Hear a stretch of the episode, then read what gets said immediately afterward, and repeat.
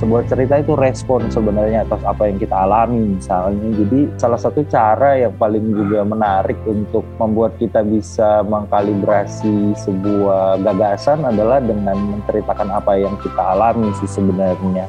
Nah ini Kamu lagi mendengarkan Good Talk bersama saya Mario Patrick with Irfan Ramli.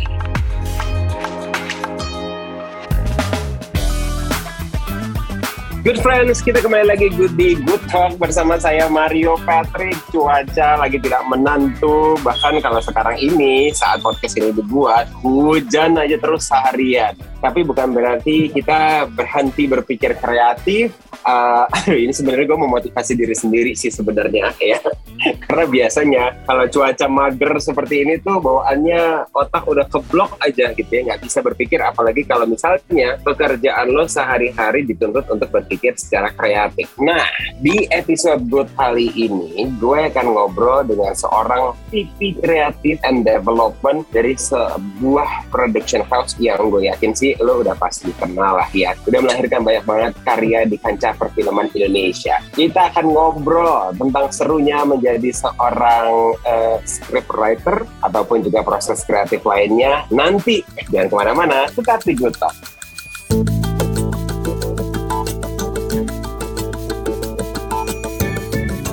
Kita kembali lagi Good Friends masih ada Mario Patrick dan ini dia Good Talk. Kalau tadi nih udah sempat dikasih teaser sedikit gitu ya bahwa yang akan gue ajak ngobrol hari ini adalah seorang VP kreatif dan juga development. Dan kalau misalnya Good Friends ini adalah seorang penikmat film layar lebar itu pasti penasaran banget gitu ya. Seringkali memang dari kekuatan dari sebuah film itu adalah dari ceritanya pasti karena itulah yang dijual selain faktor-faktor yang lain seperti misalnya pemainnya, karakternya gitu ya, ataupun juga bahkan sampai ke soundtracknya. Tapi ya memang intinya adalah cerita dari film itu. Penasaran seperti apa? Langsung saja kita tanya Irfan Ramli atau yang ternyata gue baru tahu panggilannya adalah Bung Ipang ya? iya, Bung Ipang. Oke, Bung Ipang. Iya iya iya. Ya. Oke, gue gue tuh pengen nanya sebenarnya kenapa sih? Kenapa lo bisa dipanggilnya uh, jadi Bung Ipang? Kenapa Bung Ipang ya? Karena hmm, karena pertama saya lahir besar di Indonesia Timur dan mungkin orang uh, lebih mudah akrab gitu dengan penyertaan Bung untuk orang-orang di Indonesia Timur gitu. Jadi ya di Jakarta teman-teman uh, jadi lebih muda Bung Ipang gitu. Jadi ya uh, lanjut sampai. Oh, oke. Okay. jadi lebih biar lebih menjiwai itu sebenarnya harus pakai nada ya, Bung Ipang gitu. lumayan, lumayan, lumayan. Oh, karena karena uh, rata-rata kayak misalnya manggil Mas katanya nggak cocok jadi ya. Dipanggilnya Bung dan saya juga lebih nyaman dipanggil Bung jadi ya mungkin mirip-mirip lah Bung Hatta, Bung Karno gitu-gitu kan ya. Oh, Bung iya, iya, iya. sama sama gue sih sebenarnya Bung gue tuh nggak cocok dipanggil nama apa Pak Mario, panggil Mas nggak cocok, manggil apa biasanya orang manggil Kak ya udah deh gitu ya. Bung Mario ya. Makanya itu dia. Nah, jadi uh, ini penasaran sekali sih gitu ya. Uh, gue ataupun juga mungkin good friend juga pasti penasaran gitu. Seorang VP Creative and Development dari Production House, gue belum sebutnya sekarang gue sebut dari Visinema gitu. Yeah. Ngapain sih mas kerjaannya? Eh, Bung kalau misalnya boleh dijelaskan secara singkat atau ya panjang juga nggak apa-apa sih sebenarnya. Iya. Yeah apa ya gimana cara menyederhanakannya? Karena sebenarnya memang sebagai sebuah proses ini proses yang juga panjang. Uh, tapi mungkin memulainya mungkin dengan bilang bahwa di film gue mulainya sebagai penulis skenario Uh, dan di proses penulisan skenario itu salah satu yang paling proses yang paling awal dilakukan. Jadi sebelum jauh sebelum syuting jauh sebelum filmnya jadi proses uh, penulisan skenario itu selalu disertai dengan yang namanya proses development. Gitu. jadi ada ada pengembangan cerita. Apa sih sebenarnya yang mau dilakukan dan proses ini? Itu proses yang dijalani oleh penulis skenario tentunya, lalu ada produser, lalu ada ada director, ada sutradara. Nah ini tiga kepentingan yang kemudian uh, bertemu dalam proses development itu gitu, di mana biasanya proses yang ideal memang kalau terjadi di studio-studio besar dan ini uh, bentuk yang coba kemudian kami adaptasikan development tuh akhirnya memang bukan cuma tentang tiga tiga orang ini atau tiga posisi ini gitu bukan cuma tentang penulis skenario bukan cuma tentang produser bukan cuma tentang uh, sutradara tapi dia melibatkan lebih banyak orang yang ada di dalam tim development hmm. nah untuk mencapai itu saya Angga dan teman-teman yang ada di Visinema kemudian membayangkan bahwa kalau kita mau scale up, salah satu hal yang bisa kita lakukan adalah dengan mulai menggunakan cara kerja, cara berpikir studio sebenarnya. Salah satu yang kemudian kami provide untuk ada di tiga tahun terakhir ini memang adalah uh, script development lab. Jadi kalau di Visinema itu ada satu uh, unit yang memang masih integral sama Visinema Group, ada skriptura namanya. Jadi dia uh, daily-nya itu sebenarnya adalah ruang inkubasi dan development uh, baik proyek yang lagi jalan maupun proyek-proyek yang kita bayangkan akan kita lakukan di uh, eh, 3 sampai 5 tahun mendatang gitu. Jadi sehari-hari apa yang dilakukan ya sehari-hari sebenarnya adalah mengorkestrasi itu sebenarnya. Jadi memanage sejauh ini kami ada ada beberapa penulis junior, ada beberapa juga yang yang senior yang kemudian memang aktivitas sehari-harinya tuh memang hmm, melakukan itu proses development, penulisan untuk banyak sekali proyek sih sebenarnya. Jadi ada film, ada ada series buat sekarang banyak kayak platform OTT gitu itu juga hmm. ada yang dikerjain. Kira-kira gitu, Pet. Ya itu itu gue penasaran juga sih sebenarnya karena tadi lo bilangnya itu uh, lab gitu ya terus yeah. ya, dari si skriptura ini gitu. Berarti memang orang-orang yang ada di situ ya istilahnya pekerjaannya adalah memikirkan bikin skrip. Uh, Segampang itu nggak sih? Sederhananya begitu. Uh, rata-rata penulis, rata-rata penulis skenario. Oke, okay, oke. Okay. Gue bayangin tuh justru si ya nggak tahu si laboratoriumnya ini gitu ya adalah sesu adalah uh, kebayang sama gue nih bung ya. Interiornya tuh kayak lagi yang sangat mem bisa memicu kreativitas gitu ya. Enak buat bersantai lu bisa main lu bisa mandi lu bisa melakukan segala sesuatu gitu. Nah, karena kan gimana? kalau kalau Visinema sih kita membayangkannya suatu hari kita akan punya punya itu semua ya. Walaupun sekarang juga sekarang juga kalau lo tanya di kantor bisa mandi atau enggak bisa. Bisa duduk santai ada gitu uh, punya punya ruang terbuka yang juga cukup apa sih namanya hmm, proper untuk uh, orang-orang beraktivitas. Uh, dan ini memang hal yang apa ya sebuah kondisi yang kita bayangin bisa bisa berlangsung terus bisa dikembangkan terus gitu. Kira-kira gitu Oke, okay. karena kan kalau soal kreativitas ya nggak tahu. Kalau gue kan di ya gue di entertainment sebagai penyiar, gue di PR gitu ya sebagai penyiar konsultan gitu.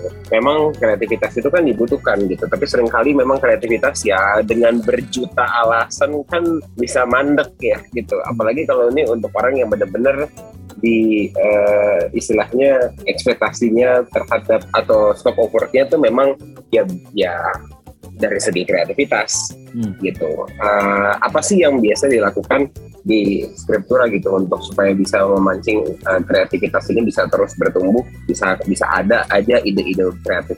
Uh, intinya sebenarnya kan memang ini ini proses yang berkembang ya maksudnya uh, menulis cerita, mengembangkan cerita gitu. Ini proses yang yang dijalani dengan banyak sekali cara gitu. Artinya artinya kita kalau aku sendiri orang yang kalau gue sendiri orang yang percaya bahwa sebuah cerita itu respon sebenarnya atas apa yang kita alami misalnya. Jadi uh, salah satu cara yang paling juga menarik untuk membuat kita bisa mengkalibrasi sebuah gagasan adalah dengan menceritakan apa yang kita alami sih sebenarnya. Nah ini ini hal yang penting sebenarnya. Bukan hanya untuk kemudian menjadi stimulus terhadap apa yang sedang kita hadapi gitu tapi gue orang yang percaya bahwa kreativitas tuh nggak jauh-jauh sama sesuatu yang memang sebenarnya kita inginkan gitu. Maksudnya kayak mungkin skill bermusik lo akan segitu aja walaupun lo uh, bisa main musik bagus tapi kalau lo tidak mencintai itu rasanya dia akan jadi biasa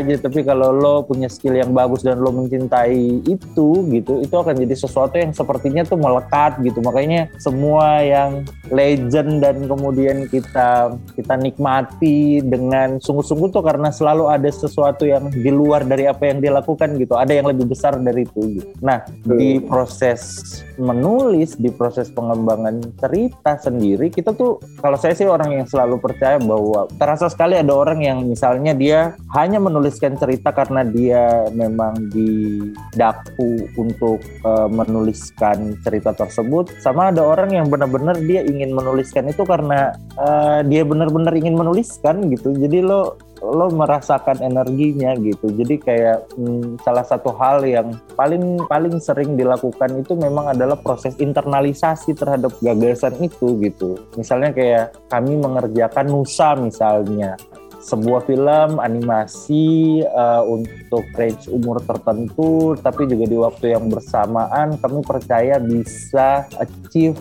market keluarga gitu kita memulainya dengan membicarakan hal-hal di sekitar apa yang mungkin terjadi pada si toko ini gitu. Maksudnya sebagai anak-anak ya, maksudnya itu itu hal yang apa ya?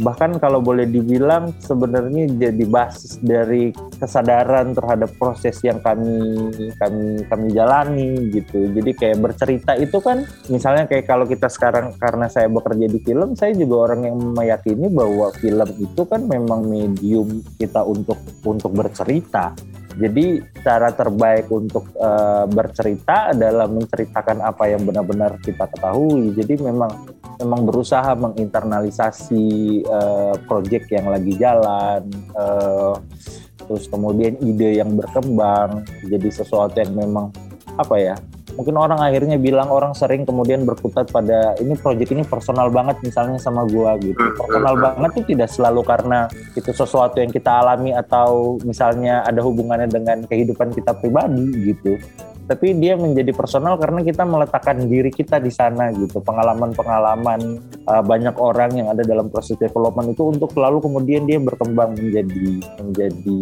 sebuah cerita makanya kita percaya saya Angga dan teman-teman yang ada di sini percaya bahwa ini akan jauh lebih menarik ketika dihadapi oleh banyak orang gitu. Dan artinya kita punya banyak sekali perspektif punya banyak sekali pengalaman yang kemudian membuat sebuah cerita itu jadi kaya gitu. Jadi uh, Nusa sendiri misalnya dia bisa jadi berkembang dari satu bentuk menjadi bentuk yang lain sesuai dengan apa yang misalnya kita bayangkan. Ya itu satu dari satu dari sedikit proses yang di, dijalani gitu. Jadi memang apa ya ini tuh orang bilangnya uh, story development lab, tapi lalu juga hal-hal yang dijalankan sebenarnya hal-hal yang kita ngobrol sehari-hari gitu dan kita tahu potensinya. Misalnya kayak uh, saya orang yang tahu bahwa kalau kita mau ngerjain musikal siapa yang akan diminta untuk ngerjain itu gitu. Kalau kita mau ngerjain action crime kira-kira siapa yang ngerjain karena pada akhirnya ketertarikan itu membentuk yaitu ID si penulis untuk kemudian kalau dia dikasih pekerjaan yang memang cocok sama dia itu akan akan jadi sesuatu yang impactful gitu. Uh, itu itu berarti menjadi sebuah spesialisasi ya gitu bahwa ya uh, tadi itu kan bilang ya kalau mau musik gua ke sini gitu ya gitu. Kira-kira seperti itu. Jadi uh, apa ya? Yang menarik kan sebenarnya kalau dia bisa melakukan maksudnya apalagi film. Film kalau kita udah bicara di luar dari spektrum drama misalnya kita udah masuk lebih spesifik misalnya ke genre. Kalau kita bicara horor kalau kita bicara action kalau kita bicara crime thriller itu kan mungkin orang akan melihat bahwa ini kan cerita sama tapi gaya penulisannya atau gaya menuliskannya itu bisa berbeda.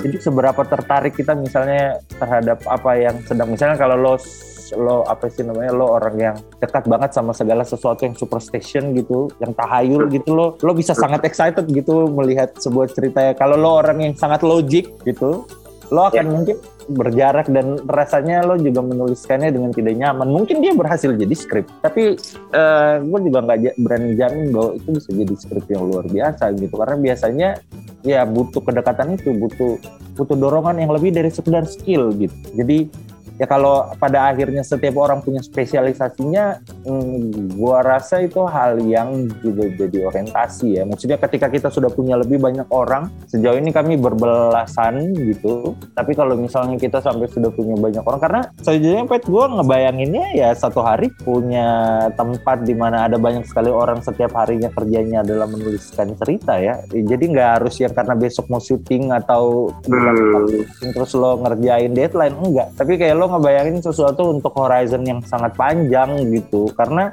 gue orang yang percaya bahwa maksudnya dan ini ada di banyak sekali narasi kita hari ini bahwa segala sesuatu yang memiliki cerita tuh punya umur yang panjang gitu. Karena basis basis kita hari ini tuh adalah ya storytelling gitu. Yang paling penting tuh adalah bagaimana sesuatu yang tadinya mungkin tidak ada value-nya jadi punya value karena ada ceritanya gitu Nah, gue pikir salah satu hal yang mau dicapai dari tempat ini adalah punya ruang yang seperti itu gitu, punya lebih banyak orang yang melakukan gitu uh, proses penulisan gitu. Dalam hal ini sejauh ini kami mengerjakan film. Iya, gue tuh jadi keinget kayak ah kalau nggak salah nih me if ya si serial Hollywood yang ada di Netflix gitu kan salah satu karakternya kan penulis skrip tuh gitu dan memang harus berjuang sekali ya kalau yang digambarkan dari serial itu ya punya gitu bahwa si studio film ini atau si production house ini menerima banyak sekali submission tulisan skrip gitu yang memang udah akhirnya lebih kepada uh, sudah menjadi faktor keberuntungan gitu buat lo sampai akhirnya tiba-tiba skrip lo diambil dari sekian tumpukan sekian banyak gitu secara random dan dibaca dan bisa berlanjut lagi mewujudkannya akhirnya menjadi satu film gitu. Ini ini tiba-tiba gue ingat aja gitu.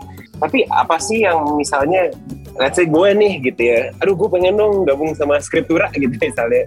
Bisa nggak sih gitu? Apa sih yang harus gue miliki gitu untuk menjadi seorang penulis uh, naskah penulis skrip ataupun juga bisa join ke skriptura gitu misalnya mas? Apa ya? Kita tuh gue orang yang percaya gini Pet. karena gue sendiri juga orang yang mungkin yang menarik ini uh, Boom uh, gue tuh juga bukan orang yang datang dari background studi film ya. Gue gak studi film. Gitu walaupun setiap kali orang tanya gimana sih cara terbaik untuk masuk ke, ke film gitu ya studi film menurut gue karena segala sesuatu yang dipelajari secara uh, sistematis itu kayak jadi modal dasar yang baik gitu. Nah tapi gue juga orang yang percaya bahwa siapa pun dengan uh, keinginan dan bakat yang mau dikembangkan untuk bercerita tuh punya kesempatan yang sama gitu. Akhirnya memang di skriptura itu sejauh ini di tiga tahun ini ya kita tuh menjalankan yang namanya model rekrutmen kita sendiri ya maksudnya kayak kita buka terus kemudian kita open recruitment terus kemudian orang-orang akan submit berdasarkan syarat tertentu kita akan minta dia biasanya ngirim ide cerita dan lalu kemudian sampel skenario yang dia bikin dan lalu kemudian kita akan kurasi lagi sekian yang masuk itu untuk kemudian uh, mengikuti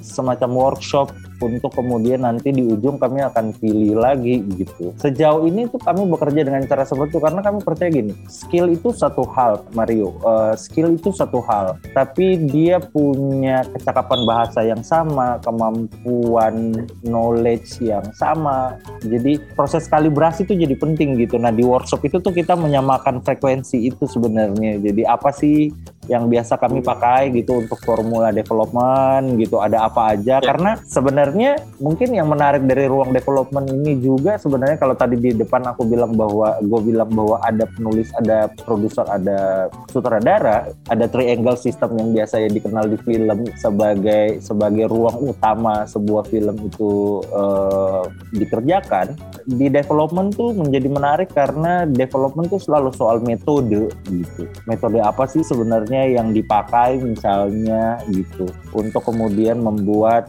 project A gitu. Lalu apalagi yang kemudian disesuaikan untuk kemudian mengerjakan project B gitu. Nah ini tuh ini tuh hal-hal yang terus berkembang tentunya gitu. Maksudnya seperti se, se, se, secair storytelling itu sendiri ya caranya juga terus menerus menerus berkembang gitu. Jadi kayak kalau lo tanya syarat apa yang harus dimiliki seseorang untuk bisa ikutan di sini tentunya adalah ya hal utama ya pastinya adalah apa ya ketertarikan kecintaan dia terhadap storytelling itu sendiri ya. itu udah pasti gitu tapi ya. di waktu yang sama tuh gue rasa memang orang selalu menganggap bahwa menulis cerita atau menulis apa pun itu kan biasanya jadi kayak dunia yang sunyi gitu kayak lo lo jadi stand alone writer gitu lo menghadapi sebuah dunia yang ada di dalam kepala lo sendiri. Nah kalau di development tuh enggak, lo membagi dunia hmm. dengan orang lain, lo bahkan menyerap dunia milik orang lain yang kemudian lo pakai untuk apa yang sedang lo kerjakan gitu.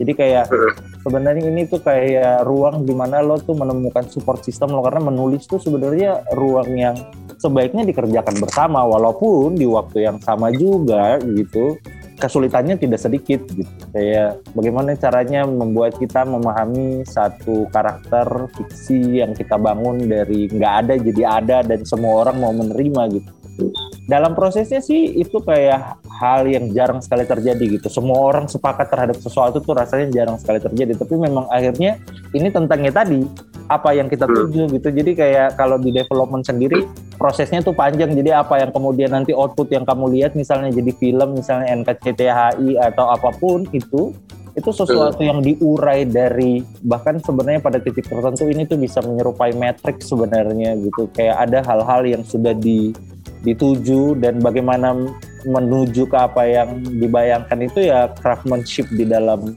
development untuk kemudian di uh, diimplementasikan dalam skenario dan lalu kemudian diproduksi sebagai sebuah sebagai sebuah peristiwa atau scene itulah yang kemudian yeah. sebenarnya landasannya itu hal-hal tadi gitu. Jadi justru justru sebenarnya lebih banyak lebih banyak apa ya lebih banyak perintilan developmentnya tadi gitu. Kayak lo harus punya argumen, lo harus bisa menjelaskan background sebuah cerita gitu. Jadi kayak apakah menulis skenario adalah tentang menulis skenario? Iya, tapi juga ada banyak sekali proses yang ditempuh lebih dulu sebelum sebuah skenario, eh, sebuah cerita diturunkan menjadi skenario. Nah, fungsi fungsi tim development itu itu. Jadi, ya selain kecintaan terhadap storytelling, terhadap menulis, ya lo harus juga punya endurance untuk mau bekerja dan menjalani proses ini. Ya, ya, ya. Karena kebayang sama gue sih adalah gini, walaupun kita sudah punya satu kesepahaman gitu ya, terutama let's say soal karakter atau soal cerita dari ke mana si cerita dari film ini akan bergulir gitu. Tapi kan ya namanya ketika semua orang dibebaskan untuk berpikir segila-gilanya gitu ya, sekreatif-kreatifnya, ketika ayo kita padatkan ini menjadi satu satu apa satu naskah gitu ya, setebal itu, sebundel itu, Nah itulah di situ mungkin persinggungan-persinggungannya gitu ya Mas ya. Uh, uh, kalau kepikiran sama gue sih sekarang adalah bekerja dengan orang-orang ini tuh pasti memang ada cerita-cerita yang seru sih gitu. Kepo dong. Apa kayak yang seru gitu? Boleh di share nggak buat gue sama good friend gitu? Apa ya? Dari si proses kreativitas ini si proses menyatukan kepala dari sekian belas orang gitu. Apa sih yang seru? Gue kalau ditanya yang seru uh, apa gitu gue rasa gue rasa ini juga ukurannya jadi memang sangat apa ya sangat subjektif ya. Tapi memang yang menarik menurut gue justru um, adalah bagaimana melihat sebuah gagasan itu tumbuh gitu. Jadi hmm. misalnya kayak Angga misalnya nih Angga datang yang kayak proses dia sekarang dia lagi produksi mencuri Raden Saleh. Mencuri Raden Saleh ini kami kerjakan empat tahun gitu. Maksudnya dimulai dari dia bilang eh bayangin kalau lukisan Raden Saleh yang di bla bla bla bisa dicuri gitu. Maksudnya uh, hah? Gimana? Gitu. Maksudnya lo kan yang kayak hah kenapa iya, nggak yeah, yeah. kenapa nggak kenapa nggak nyolong nyolong sesuatu yang lebih simple gitu loh maksudnya eh, lo membayangkan nyolong itu satu hal, membayangkan nyolong lukisan Raden Saleh itu adalah kesulit, kerumitan berikutnya gitu. Jadi kalau ditanya eh, apa yang apa yang sulit dari mengerjakan ide itu ya empat tahun itu kami pakai untuk membangun logika cerita tadi gitu. Jadi kayak sebuah gagasan yang tadinya eh, dibuka di di di, di ruang uh, development dan lalu kemudian dia berkembang dia bisa pergi sangat jauh gitu bahkan ya uh, dia berkembang bahkan gitu menemukan apa-apa yang mungkin tidak dibayangkan sebelumnya gitu. Gue gue nggak tahu gue nggak yakin itu lucu sih.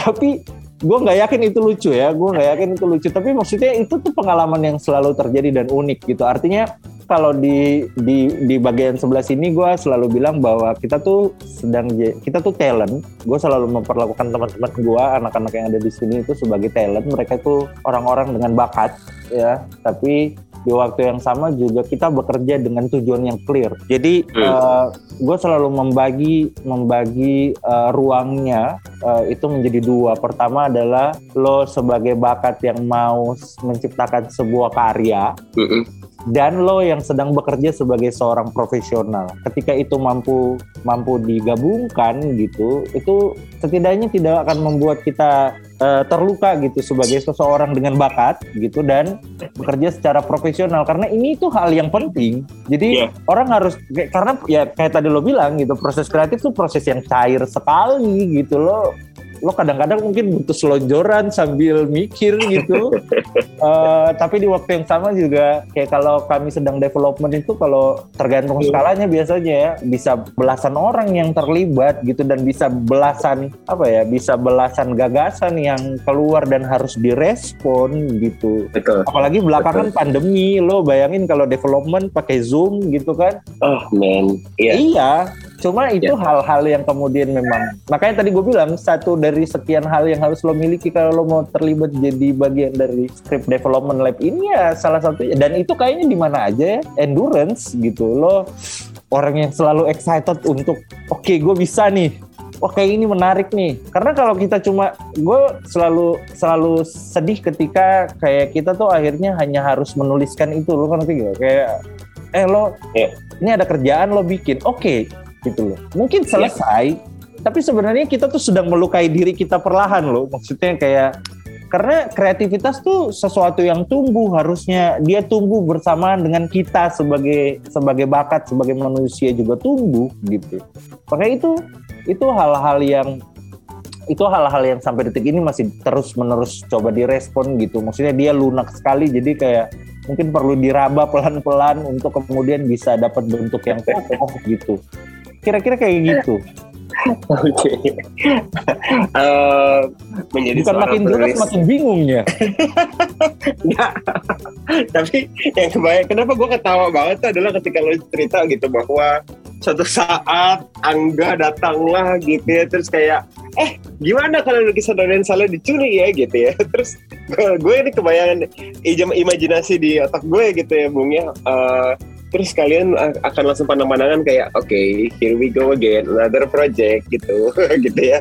Dari gue gue orang yang maksudnya satu hal yang menarik ya Pet dan ini yang bikin gue juga apa ya kebetulan kami tuh selalu mengerjakan hal-hal yang dimulai kayaknya dari obrolan dulu deh. Justru kalau kayak di setup di setup serius gitu justru ya bukan bukan nggak jadi ada yang jadi tapi uh, kebanyakan memang dimulai dari percakapan-percakapan yang makanya tadi gue juga bilang di depan bahwa apa yang kami kerjakan itu kan sebenarnya respon terhadap apa yang terjadi di, kehidupan kita gitu pengalaman iya. seseorang yeah. gitu seseorang datang dan cerita bahwa eh gue tuh kemarin pergi ke sini gue lihat lukisan ada ada koleksi lukisan Raden Saleh nih gini. Tapi lukisan itu kayaknya nggak terawat nggak ada yang jaga apa dan sebagainya. What if ini kita ambil gitu? Ada yang tahu? Maksudnya uh, seperti biasa gitu sebagai alam alam alam apa sih namanya? Alam ekspresi ya sebutlah seorang kreator atau seorang storyteller ini kan hal yang possible possible aja tapi hmm. ketika kita hmm. sudah menurunkannya ke dalam sebuah uh, makanya tadi ketika kita sudah masuk fase development kita bisa bisa empat tahun tuh duduk di situ hanya untuk memikirkan logika kenapa orang mau nyolong lukisan kenapa dia nggak hmm. nyolong toko emas misalnya gitu atau atau rumah orang gitu kenapa harus lukisan yeah. spesifik kenapa lukisan karena nyolong yeah. lukisan itu satu hal uh, setelah lo nyolong mau lo apain gitu loh maksudnya itu kan itu yeah, kan yeah. hal yeah. yang kemudian juga logikanya harus disusun gitu nah Setuju. biasanya uh. ya kayak tadi lo bilang ya here we go okay hmm. itu ya oke okay, gimana cara ya lo melogikakan ini semua gitu Iya karena banyak sekali dari film yang kalau gue nonton ya gue bukanlah pengarang film ya gitu tapi gue orang yang suka menonton beberapa film gitu yang kadang-kadang emang gue suka kesimpulannya itu adalah kayak ini ide ceritanya oke okay, tapi terus habis itu nggak tahu mau dibawa ke mana gitu mau diapain gitu ya uh, oke okay. Uh, gue ada satu pertanyaan sih yang berdasarkan dari obrolan kita nih sepanjang dari tadi mulai ngobrol sampai dengan sekarang gitu. Dan ini kita tanyakan di pertanyaan pamungkas. Satu lagi pertanyaan tapi kita harus break dulu sebentar. Jangan ke mana-mana tetap di Good Talk. Kamu lagi mendengarkan Good Talk bersama saya Mario Patrick. With Irfan Ramli.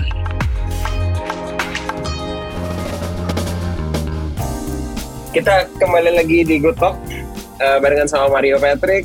Lu mau ngomong sesuatu sama orang di sebelah lu, lu mau ngomong dulu nggak? Bu. Oh enggak, enggak, enggak. Oh enggak ya, oke. Okay. oke, okay, izinkan gue bertanya lagi nih satu pertanyaan ini adalah pertanyaan pamungkas. Final round. Kalau dari tadi gitu, gue tertarik sih sebenarnya Bung ketika lo bilang bahwa uh, nggak harus melulu uh, ini adalah pengalaman pribadi lo gitu ya, karena kalau jokesnya sama teman gue kebetulan ada satu dua lah gitu ya penulis uh, teman yang penulis lirik lagu gitu. Membuat pencipta lagu deh komposer lagu ataupun juga pembuat lirik penulis lirik gitu ya lirik lagu gitu. Yang kita tuh selalu bercanda atau penyiar pun gitu ya suka bercanda penyiar jam curhat sih terutama. Suka uh, jokesnya itu adalah eh jangan curhat sama dia nanti keluarnya jadi lagu. Eh jangan surat sama dia. Keluarnya jadi jadi uh, apa materi siaran. Gitu hmm. ya nah apakah hal yang paling penting gitu ya salah satu hal yang paling penting menjadi seorang penulis naskah gitu atau penulis skrip gitu adalah orang yang punya empati tinggi? Yes or no uh, kalau menurut lo Bung uh, dan kenapa? Iya penting.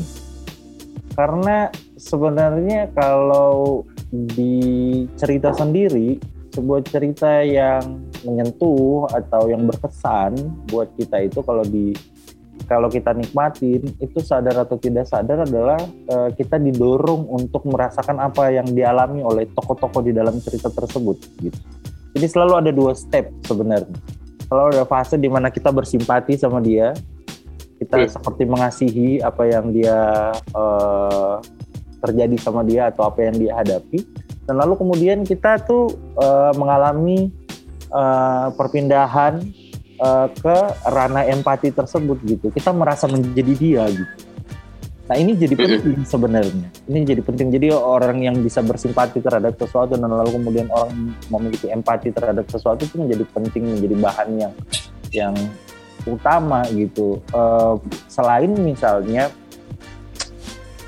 menurut gue uh, setiap penulis tuh krit kita sering gitu maksudnya kritis gitu orang berpikir kritis gitu. Kritis tuh menurut gue sebenarnya lebih ke keputusan untuk apa sih yang sebenarnya ingin kita bela gitu. Apa sih yang hmm. kita menangkan gitu. Kita punya statement terhadap itu jadi kalau cerita itu punya premis setiap pekerjaannya itu harus punya statement.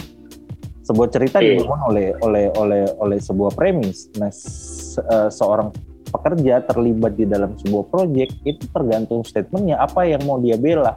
Nah, ketika pertanyaannya adalah empati itu penting atau enggak itu penting banget karena biar bagaimanapun misalnya mungkin gue bisa gue gue merasa perlu untuk me, me, apa sih namanya menjelaskannya mungkin lebih spesifik. Gue selalu bilang bahwa ya menulis tuh selama kita menuliskan manusia atau kita menghidupkan sesuatu yang ada unsur manusianya gitu ya kita harus membela kemanusiaan itu sebenarnya gitu. Itu jadi jadi penting sekali gitu.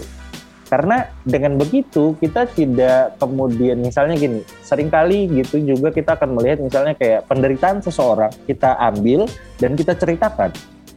Tapi ketika kita tidak punya sisi uh, kemanusiaan yang besar untuk melihat itu dari sudut yang yang lengkap atau setidaknya punya seribu satu skenario untuk melihat peristiwa tersebut, kita akan jadi orang yang berusaha memframing itu sedemikian rupa dan mungkin kemudian yang keluar adalah kita dibilang lo pretensius banget sama sama sama hal tersebut gitu. Kenapa? Karena hmm. karena kita cuma meminjam, kita cuma meminjam apa yang dialami orang lain uh, dan kemudian menggunakan cara berpikir kita untuk menelaah itu. Gitu. Artinya kita tidak punya keberpihakan sebenarnya. Padahal ketika misalnya saya menceritakan seorang miskin misalnya, kapan cerita seorang miskin menjadi wajar? Ketika kita tidak membuat dia menjadi seseorang yang menderita dan pasrah aja misalnya sama kehidupannya. Tapi ketika dia berjuang misalnya untuk melawan keterbatasannya, gitu. sehingga cerita itu sendiri dia punya nilai yang lebih dari sekedar kita melihat seseorang hidup menderita misalnya. Kita melihat justru bagaimana seorang manusia melampaui batas-batasnya misalnya dan itu akhirnya kalau di film selalu ada maksudnya dan ini dicerita selalu ada yang namanya aspek universal language. Di mana oh iya oke okay, mungkin saya tidak pernah mengalami apa yang dialami tapi kalau berkorban gue juga sering gitu. And then gue relate misalnya oh kalau mencintai uh, dengan tulus tuh gue juga pernah walaupun gue mungkin tidak suka anjing seperti tokoh di dalam cerita tersebut tapi gue tahu bagaimana mencintai yeah, perasaan yeah. mencintai si tokoh jadi jadi cuma itu sebenarnya ya, tadi pertanyaan lo itu yang membawa kita pada aspek-aspek itu sih menurut gue so penting banget Oke, okay, siap kalau begitu. Uh, Bung, Irfan, Bung, Bung Ipang, aduh gue masih keselimpet belum terbiasa ngomong Bung soalnya. Iya. Bung Ipang, thank you so much untuk penjelasannya, ngobrol-ngobrolnya uh, lumayan tercerahkan sih nih sebenarnya gitu ya tentang proses kreatif dan juga bagaimana uh, menumpahkan si proses kreatif itu menjadi satu hal yang ya boleh dibilang serius gitu ya as in kayak ayo kita let's do this gitu ya istilahnya.